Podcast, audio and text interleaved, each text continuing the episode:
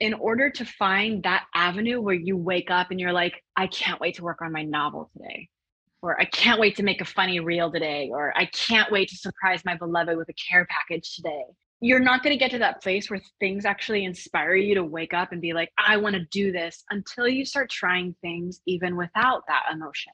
Yeah. Hence the containers, hence creating space to be like, I'm actively going to go into practicing the art of being an artist and then the artist begins to move you. Mm. first you have to move the artist then the artist starts to move you and it's this dance that will continue for the rest of your life but it has to start from a place of choice. Welcome to the embodied woman podcast. This is your host taylor simpson.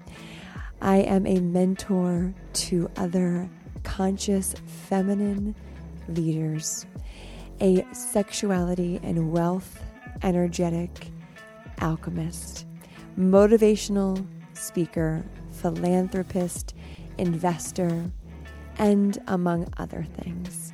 But what I'm really passionate about under all of the modalities I use to serve is helping women come back home and remember who they are, therefore becoming the embodied woman that they came here to be.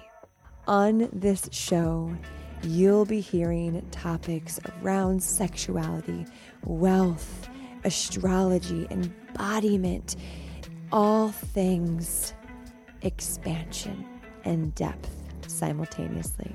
Solo episodes with myself along with delicious conversations with guest experts. So sit back, grab a cup of cacao, go on your daily walk, or whatever you are doing, allow yourself to receive this episode.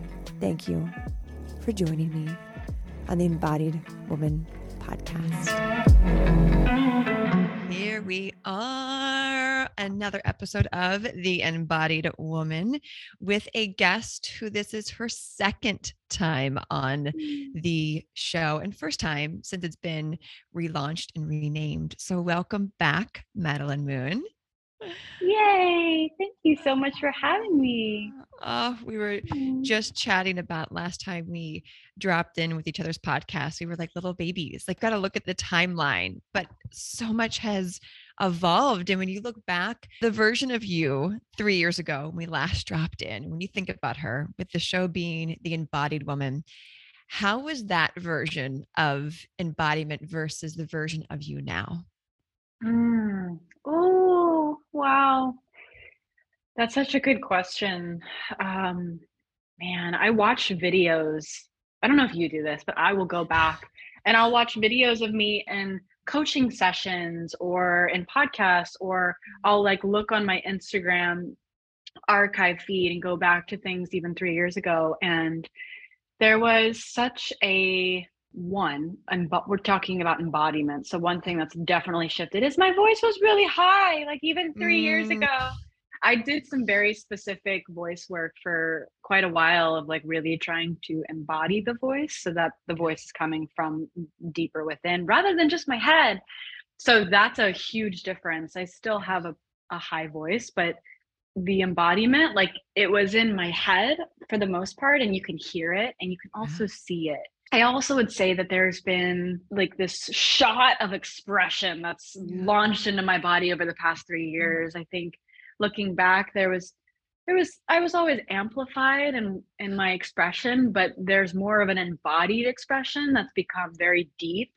Where before it was again mostly in the mind, mostly in the head. I was living in that more like airy space and my expression was more in the head rather than a full bodied expression. Mm. That's what comes to me firstly. Like I, I was living in more here, and now there's just so much more living here. Mm, yes. And that journey to become who you be now.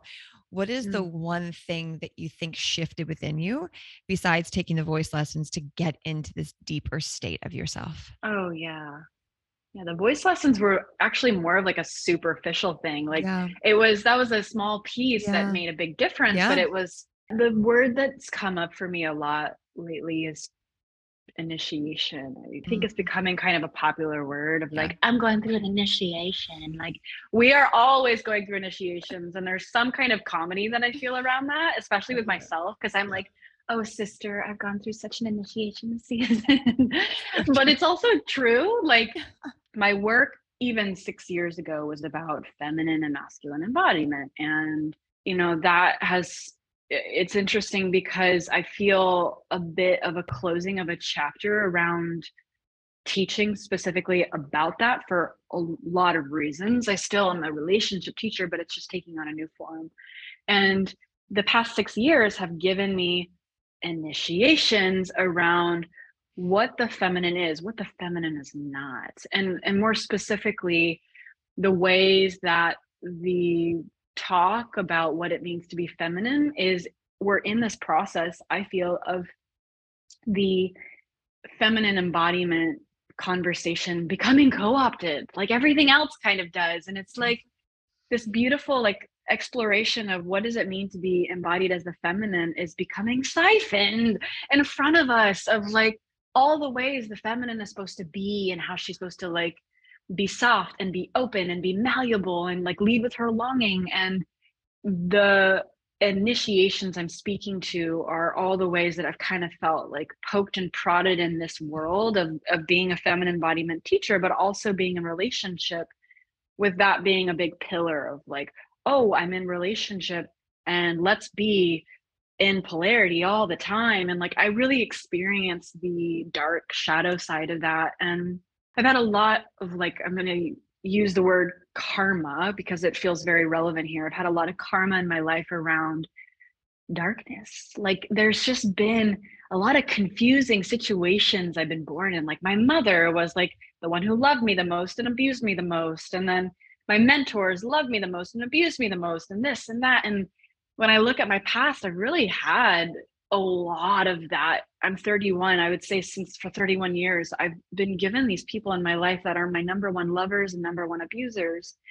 And that's why I call it initiation, because I would say more recently, I've seen that so clearly. And I've seen like, like I'm starting to really see how this conversation around what it means to be feminine is being infused with these dark layers of how it's being used against us as women. And that's made me more embodied than anything mm-hmm. in this entire world because it's brought me deeper into my core of that pain of being a fucking woman and like Yeah. women of, of of all around the world and what we're experiencing. And i'm so blessed to be living in this like safe and tidy home here in texas. Like i'm away from the heat of the abuse but what i experience in my little life extends out into the collective extends into our ancestry and like i'm just bringing this because it feels very alive in this little polarity realm.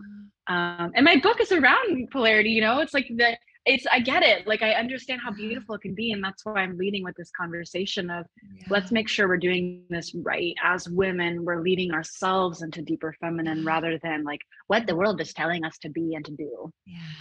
Oh, so delicious. And your book, The Artist of Love, is even more delicious. I am about halfway through and just all the earmarks, all the lining, all the markings, just like, yes, like, Mm. so when it comes to being an artist of love, what does that even mean?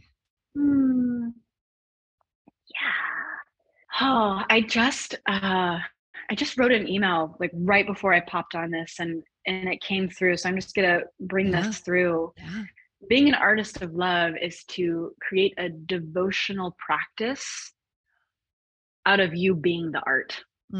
It's a Mm, devotional practice of making art out of yourself.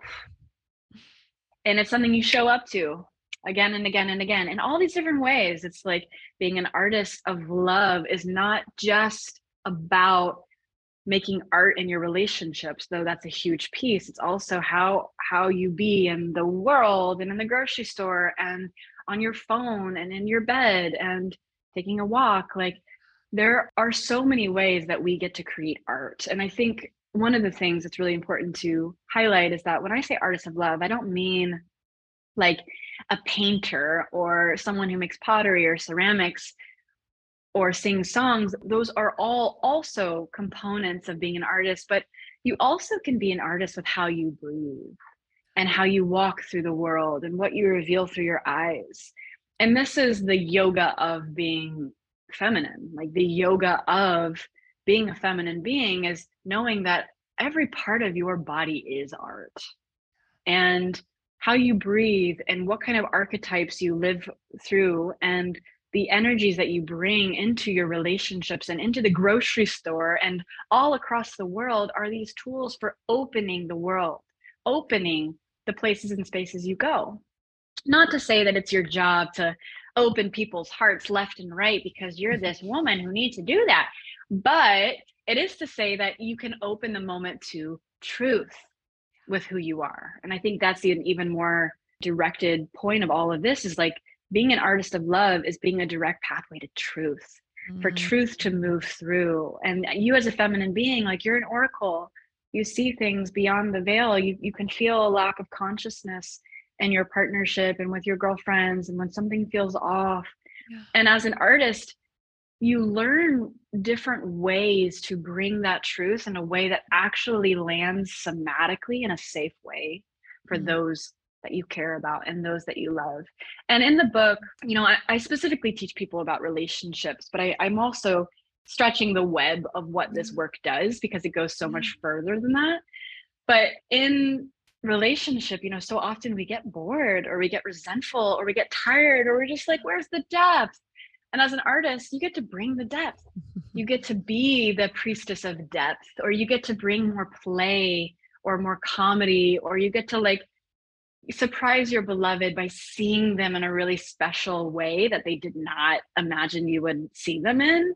Mm-hmm. And you get to create scenes and become the leading actor of your own life and take up space. And we have this beautiful quote of being the change we want to see in the world. And I think that that's how we we do that through art. We do that through being artistic and we can be the embodiment of love that we're hoping to find in a relationship.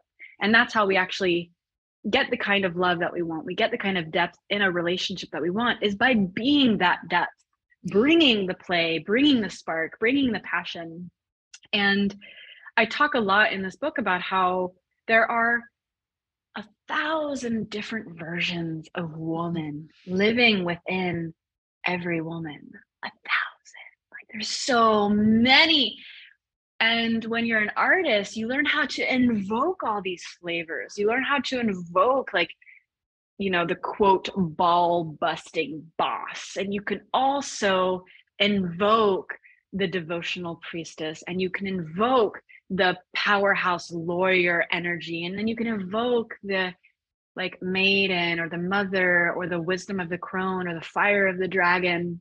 And when you know how to do this, jealousy, not to say that jealousy is a, a bad emotion by any means, I actually love that emotion, but it doesn't become a trigger anymore because anything that you see out there in the world that you would traditionally, historically, be triggered by, you don't because you're like, oh, I have that.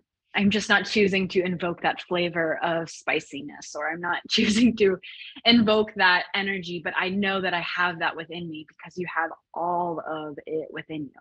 Mm, and I love how even what you're just sharing, and it's reflected in the book, how it isn't about just relationships. It's about how we be in life in every mm-hmm. area of our life. And a, mm-hmm. a statement I I wrote down was it's so beautiful of being creative in love is to claim what you desire and then incarnate as that desire.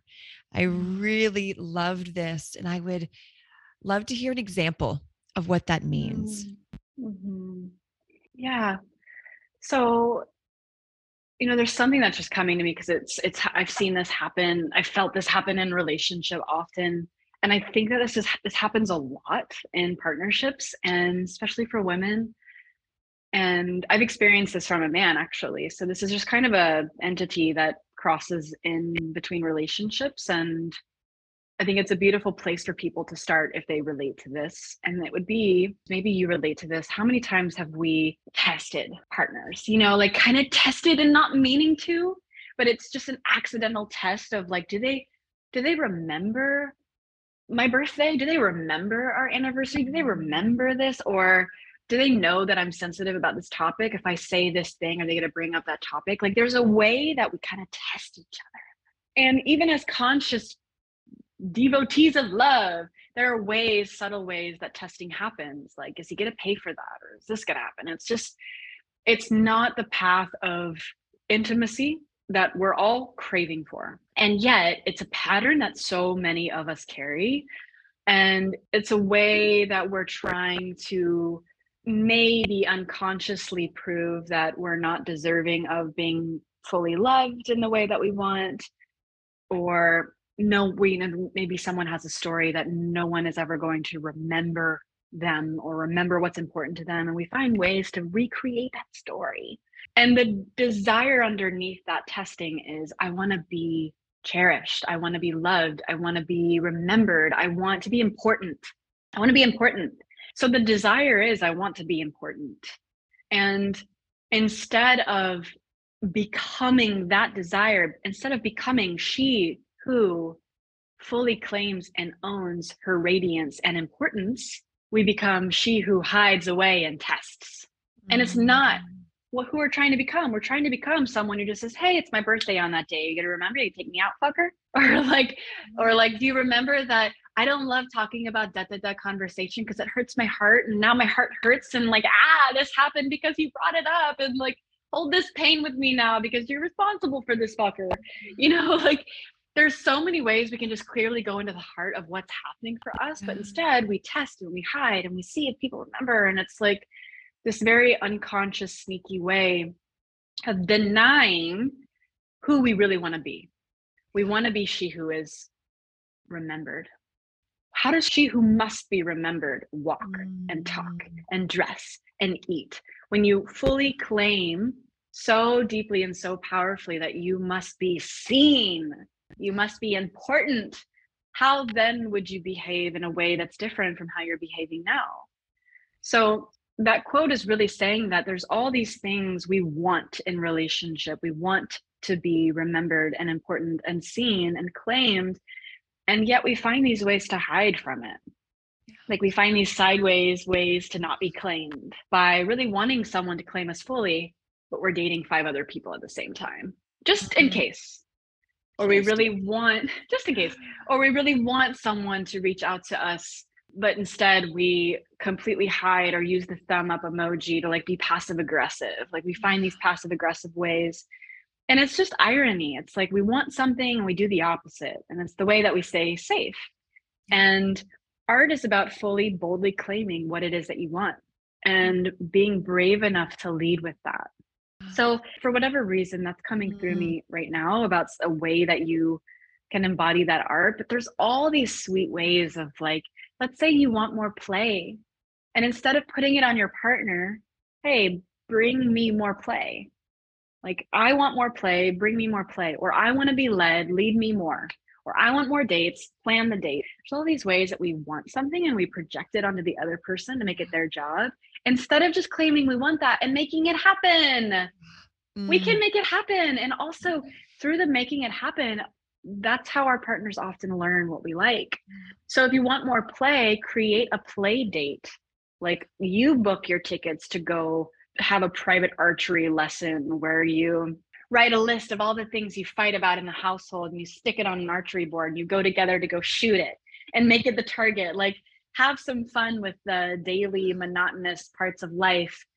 Go do archery or go to a rage room or have a champagne charcuterie board picnic by the beach or go do a private acro yoga lesson and like play with your partner in that way. If you want the play, bring it. Bring it. Be the one to bring that. And in the bringing of it, you start to meet those parts of yourself that you keep denying. And then your partner eventually, maybe very quickly, maybe it takes a bit of time, will start to be like, oh, she loves play. Maybe I can love play too the thing is if you have the desire it's you're the one who's meant to bring it like really like how relieving is that yeah. to be like i don't have to play a game i don't have to test i don't have to see if he'll do it first i don't have to make him do it i can just bring it i mm-hmm. can set the date i can pay for the date Yeah. I can lead. I can lead us in that way. And I think that's a way, again, like the ways that polarity have gone wrong. There's all this fear around women, like, oh, can I lead? Yeah, you can. In fact, part of being an artist of love is leading the art when you are the one that is given the spark of the idea. Yes. And with that that note of polarity, I I can hear a lot of women asking, okay, well, how do I stay in my feminine if I'm the one taking the action? How to hold that polarity, how to create polarity? What would that look like? Feminine is action.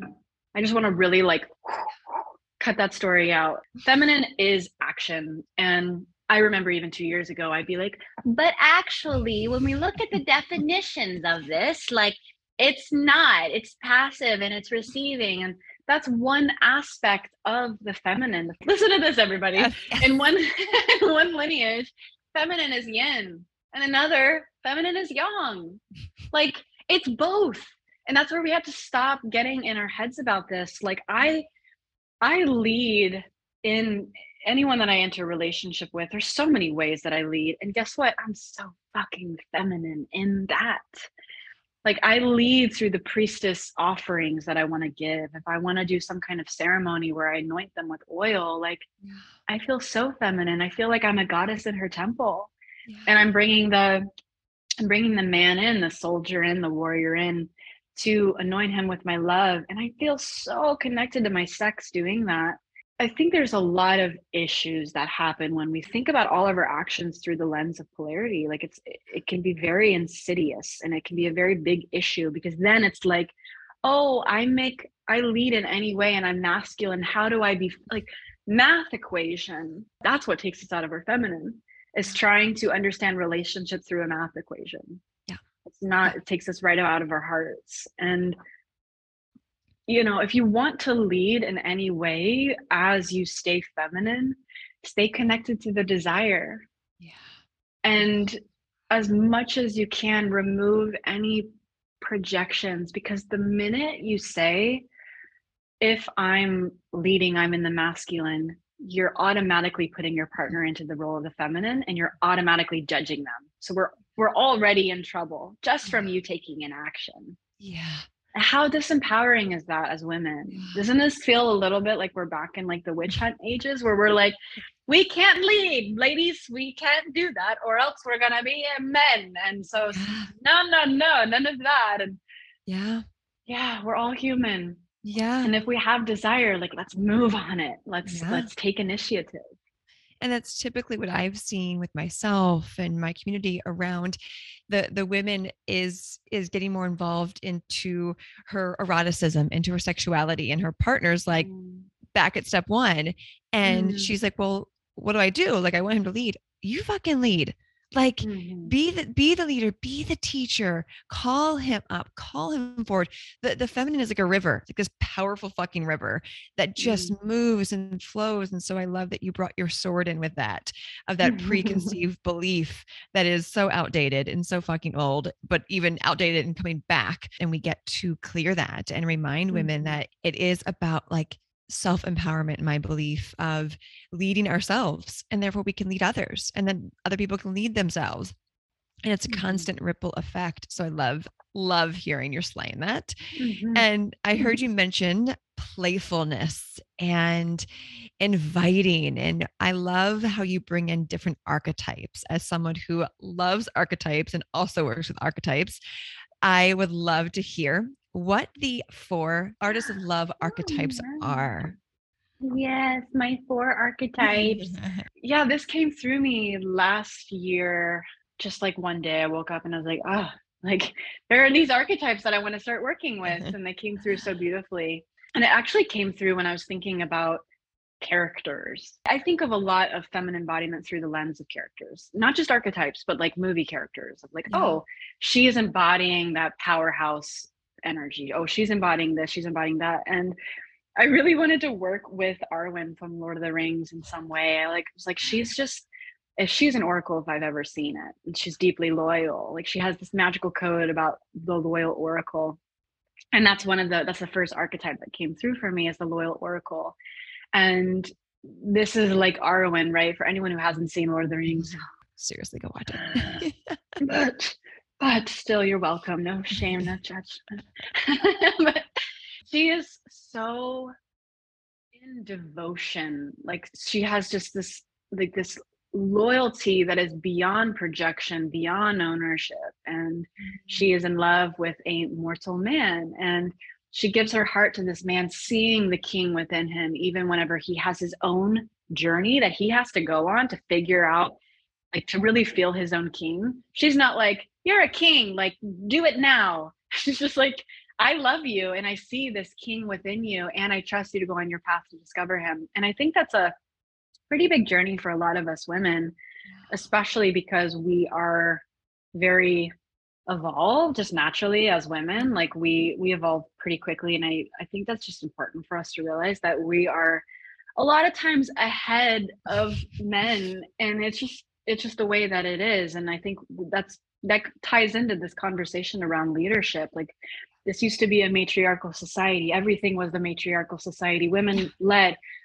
children had the last names of women. Like we yeah. need to learn how to come back to understanding this is the way things are supposed to be and let's just not punish anybody for it. Let's not punish ourselves by trying to hold back on our leadership and let's not punish our men for not being exactly where we are. But as a loyal oracle accepting it yeah. accepting it and like yeah. also being like this is awesome. Isn't this Yay. what we're fighting for? We're fighting for equality and we're fighting for our own right to have to be leaders. Like let's claim it. Let's love it. Fuck it. Lick it. All the things. Yeah. So the loyal oracle is she's really devoted or or she's really loyal to love and truth above all. She really is like she's the oracle. She sees truth. So she will cut to the chase of the truth and she'll also remain loyal to love through that process. So she's the first one and then we have the playful priestess. And the playful priestess is she who knows that her her magic is in her play. And people who resonate with the playful priestess more often don't really relate so much to um, sitting down and doing kundalini as much as they do to like doing acro yoga or doing handstand competitions and drinking champagne and having fun and like indulging in life. Like they want to wear the sparkly outfits and the play and um, i think that's something that can be a little challenging for a lot of women in the spiritual community because there's a lot of seriousness of the ways that we're supposed to practice. And anyone who really strongly relates to that archetype needs to understand that your like your your practice is to play and it's just as valid as doing kundalini or meditating for 20 minutes. You don't have to have like a really serious sadhana practice in order to be living your spiritual gifts. It can be about being the one to enter a room and be like, "What's up everybody?" and like have comedy and play and wear the sparkly Aquarian outfits and be very uniquely you. And this character for me was um, Lucille Ball. She's like just, I mean, you feel God when you're in the presence of watching Lucille Ball. Like you're like, oh, this is what life is for. And she's also so animated. Yeah. Like when you watch any clip of her, she knows how to use her face and her body. Like she is a um, she's an amazing example of a woman who's deeply in her body through a comedic, playful lens. And she also knows how to play with her partner and I Love Lucy in these really like I say free of charge a lot. Like when when you like give a gift or you become artistic, totally free of charge. Like you don't have mm-hmm. to be anything in order to receive my heart. You don't have to fix it. She does an excellent job at playing tricks on him and playing with him in the show without really without it being passive aggressive or even explosive. It's just like this really beautiful example of a woman living the artistry of play free of charge. Mm, yes, I, I, love that you use that as the character example. I remember watching that that show growing up. My older sister was a super fan of it, and I remember feeling so seen. I'm like, you can be like mm. a woman, like an adult, and silly and quirky and love yourself and be loved by just being silly. And so I I personally just love that you used her because she's such a gift to show all of us like we can be quirky and silly and it can be sexy and fun mm-hmm. and that is sacred within itself like without being mm-hmm. air quote serious. mm-hmm. Yeah, and she's also like I didn't know this, but she's one of the first feminists like role Oh. models in in like the TV film industry because she's the first one that there's a sitcom about her. I think Yeah. at least in the mainstream. I'm sure there were other people, but in the mainstream, she like I think she produced her own show, like Yeah. everything. There's a documentary about it. Yeah, the documentary. Oh, was yeah, yeah, Really yeah. good. Yeah. I haven't seen that yet. I need to see that. But even that in itself, it's like, look at all the parts that she played as a woman and all the adversity she had to face to make it in that world. And yes, she was beautiful, but she wasn't there to demonstrate her beauty. Like, see all of her faces, they're so goofy and silly. Like the like the ways that she uses her body, it's not about like, is this gonna make me look bad? She's like, I'm a vessel for comedy to move through me, and, And I'm gonna make my show happen to do it. Yeah. yes. I could talk about her all day Ah, long. I know, ditto. I love Next her. archetype. okay, so the next one is the erotic enchantress. And Mm.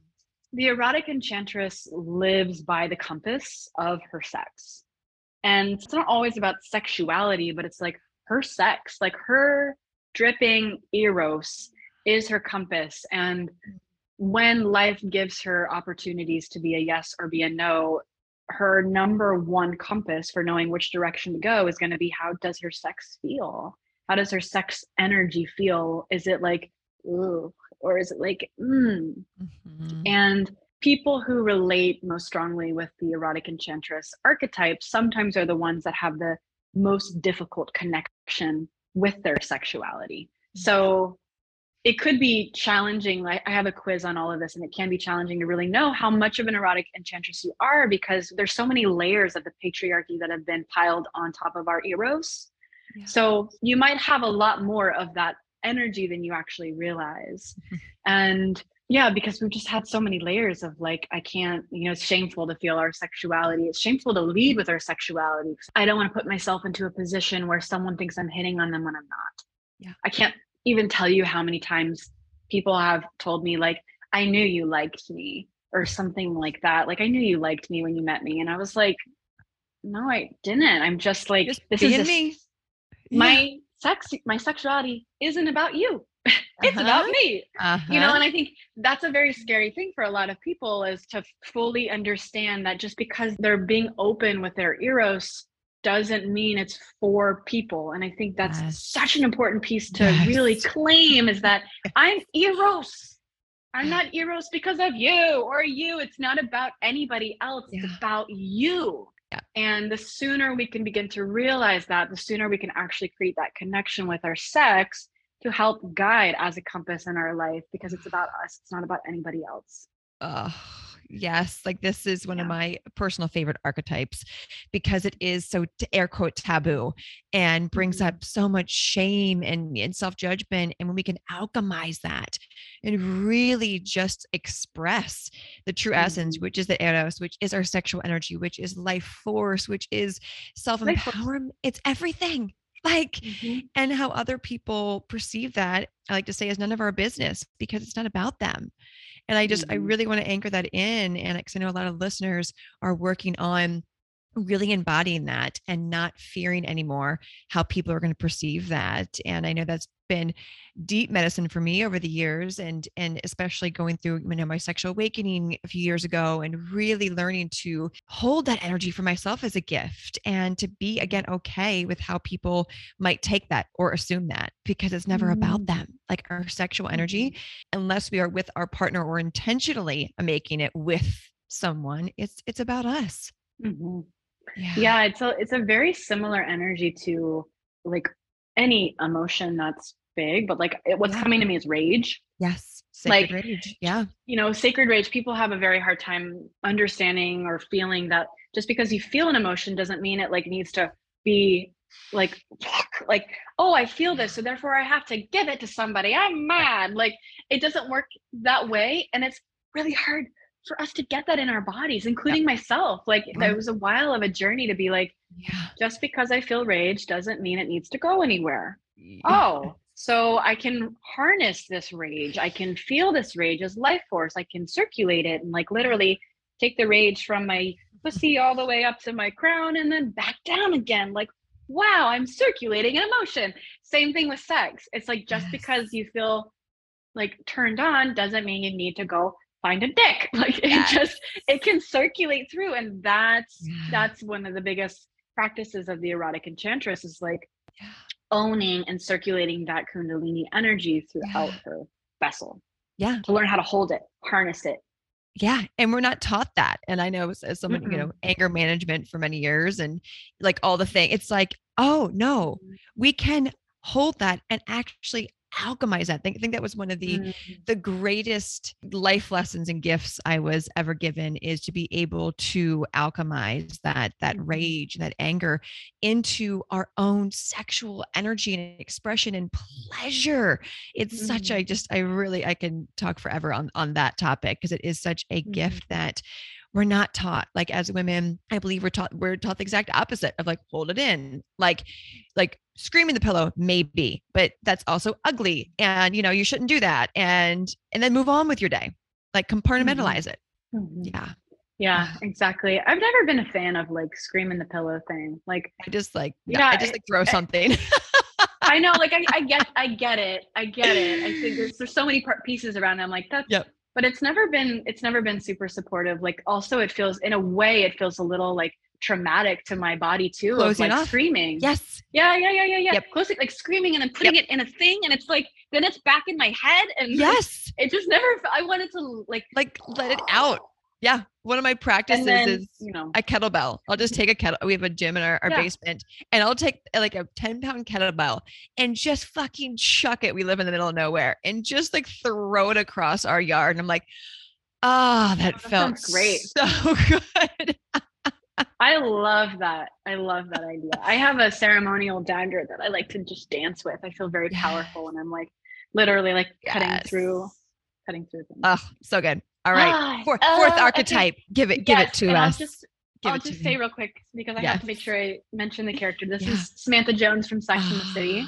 Um, and I wanted to use a pretty extreme example of someone who actually does like she does want to like have a lot of sex, but she she also is the embodiment of like she is Eros. She's like dripping in it, and she has her own character arcs and journeys, and like she's you know she's human. She has a heart. She has emotions. She has feelings. She's not someone who's just like oh that's someone who just slut. You know, it's like Yeah. I think she's a beautiful example of a character that we can really watch and study to understand the ways that we want to label someone as like, oh, that's Samantha Jones. She's that. No, she's full bodied human with her own experiences, confusion, journey, humanizing again that energy. So that's her. And the last one is the sacred devotee. Mm. And this is the archetype that I most strongly resonate with. And I'll also say that you're all of these.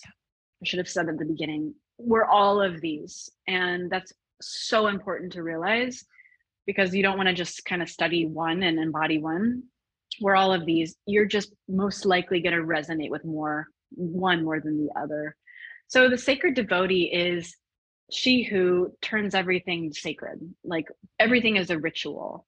She's the practitioner who wakes up and has tea ceremony and creates the bouquet of flowers and love making is a ceremony and the way she adorns her body with oils is a ritual and everything in our life feels like it's meant to be in a temple it's meant to be a ritual and what she can oftentimes struggle with is kind of like there's a teeny tiny bit of a martyrdom kink inside of the sacred devotee where it's like i have to do all this work and i'm here to do all this work and i also don't know how to receive money like get money also at the same time so i'm just going to do my work and maybe i'll find a partner or a husband who will take care of that thing Mhm. so there sometimes can be a little bit of a separation from that masculine like i'm going to live my work and charge for my work. I'm going to live my work and take care of the bills. Like because life is just this big beautiful ritual for her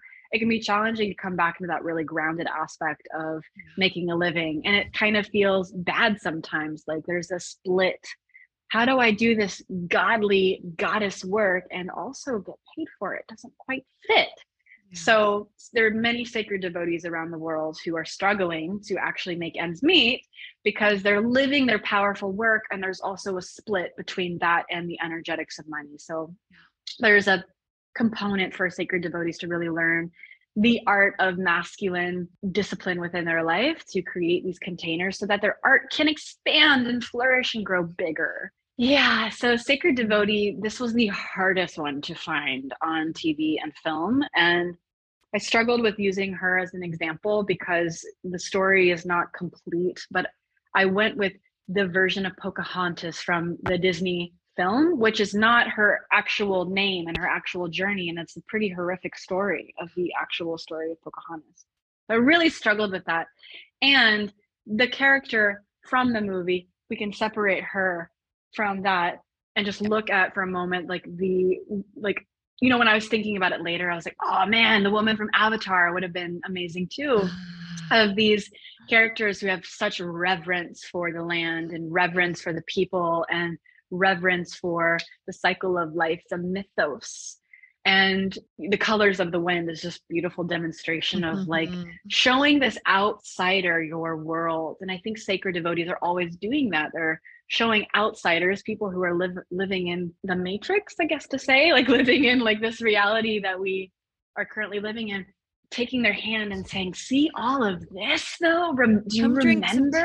Yeah, yeah. Come drink some tea. Do you remember yeah. the ancient lands and like when we danced on the temple floors?" So That's like the job of the sacred devotee is to bring people back into these spaces. So those are the archetypes, and you can learn how to, especially by reading the book, you'll learn more about each one and how to embody her and invoke her. But the ways that you can play with the priestess within you and the oracle within you are across the board from how you eat to how you dress. Like, what mm-hmm. if you spent an entire season just playing with your loyal oracle, dressing like Arwen in an elven way and having gold and like giving gifts because that's her creative strategy is to give gifts. And what if you did that and you looked through your eyes through the lens of the loyal oracle how does she look through the world what does she see how does she move there's mm. all these yogic ways we can use the body to embody these archetypes mm, yes and we we love being able to have the listeners of this those kind of i guess you can say them tools like actual things you mm. can see to then implement like as mm-hmm. you're explaining that like going to the grocery store, I always love to use mm-hmm. examples of like avocados where you like touch the avocados and you're like, ooh, like that one feels the perfect texture, like mm. this devotion to finding the most perfect avocado. And I love your anchoring in that we are each of these. And so for the woman who is like, but I like this one the most, but I know I want to work on that one. What would that look like for her to start opening up to the other archetypes? I think it would be best to create a container for it, like mm-hmm. anything. Containers are how I live my life. Everything is like, this is a season of working on this, or this is a season of not working on anything. But I create space. And I think because we live in a time where there's like, bing, notification, bing, look over here, all this stuff, there needs to be some kind of container for anything if we really want to give it mm-hmm. our energy. We have to know I'm giving this my energy. So I would say work first on the one that feels the most you, the most inspiring, the most mm-hmm. alive. That's a great way to put your foot in. So if the sacred devotee resonates the most, like what would it be like for the next lunar cycle if you did everything through the lens of ritual and you have at least one ritual you do every single day and you go back into the land of mindfulness and prayer and writing in your journal and wearing textures of gold and, and velvet and put an anklet on your mm-hmm. ankle and creating an atmosphere to really nurture and live through that. And inside the book, you also see how do you do this in relationship? How do you do this with a partner? How do you create art as an artist of love, literally and also yogically? And then I would say the next lunar cycle, work on the one that feels the most like I don't feel like I'm an erotic enchantress or I don't feel like I'm playful. That that's a weird emotion. It's silly. I'm a mature feminine, you know, like and then switch. How do I eat as her? How do I infuse more play into my life? What are the things that I can do on my lunch break that really encourage that essence of play and surprise and what can I mm. do with my beloved to take us out somewhere to just have fun? And forget all the serious stuff that we're currently working through. And you could do this for four months. You could do one each month or each lunar cycle. Mm, it's like being curious with each of them, Mm, curious of Mhm. what it would feel like to be playful. What would it look like to go do something that is fun just for the sake of fucking fun? And Mm. and that curiosity and I feel like when we come at things with curiosity, we actually are then open to new ways of seeing something versus going in with a preconceived notion of, okay, it has to look th- this way. This is the example of the devotee. And therefore, it's like, no, no, no, no. How can we open that up and let it flourish and let the, Mm. the archetype, it sounds like, become the artist through our vessel, through our, Mhm, our mhm. instrument? Um, Mhm. So, so good. So, any parting words for the new artists of love out Mm. there that are like, okay, I'm fucking ready? Mhm. Oh, I would say that your art is going to be so uniquely yours, so uniquely yours. And for any woman who doesn't relate to the archetype of the artist, you're an artist. You are absolutely 110% an artist. Any part of you that doubts you have an artistic bone in your body, please just nix that, fucking get rid of it. It's not true. You are an artist in relationship you are you're an artist in your work you are an artist with your friends. Your specific way of being an artist whether you strongly relate with comedy or you relate with creating ritual or gatherings or actually painting things and doing things with your hands you will not discover that until you start trying things and it kind of is going back to that conversation of like inner child it's like when's the last time you just did stuff to do stuff and explore and in order to find that avenue where you wake up and you're like, I can't wait to work on my novel today, or I can't wait to make a funny reel today, or I can't wait to surprise my beloved with a care package today. You're not going to get to that place where things actually inspire you to wake up and be like, I want to do this until you start trying things even without that emotion.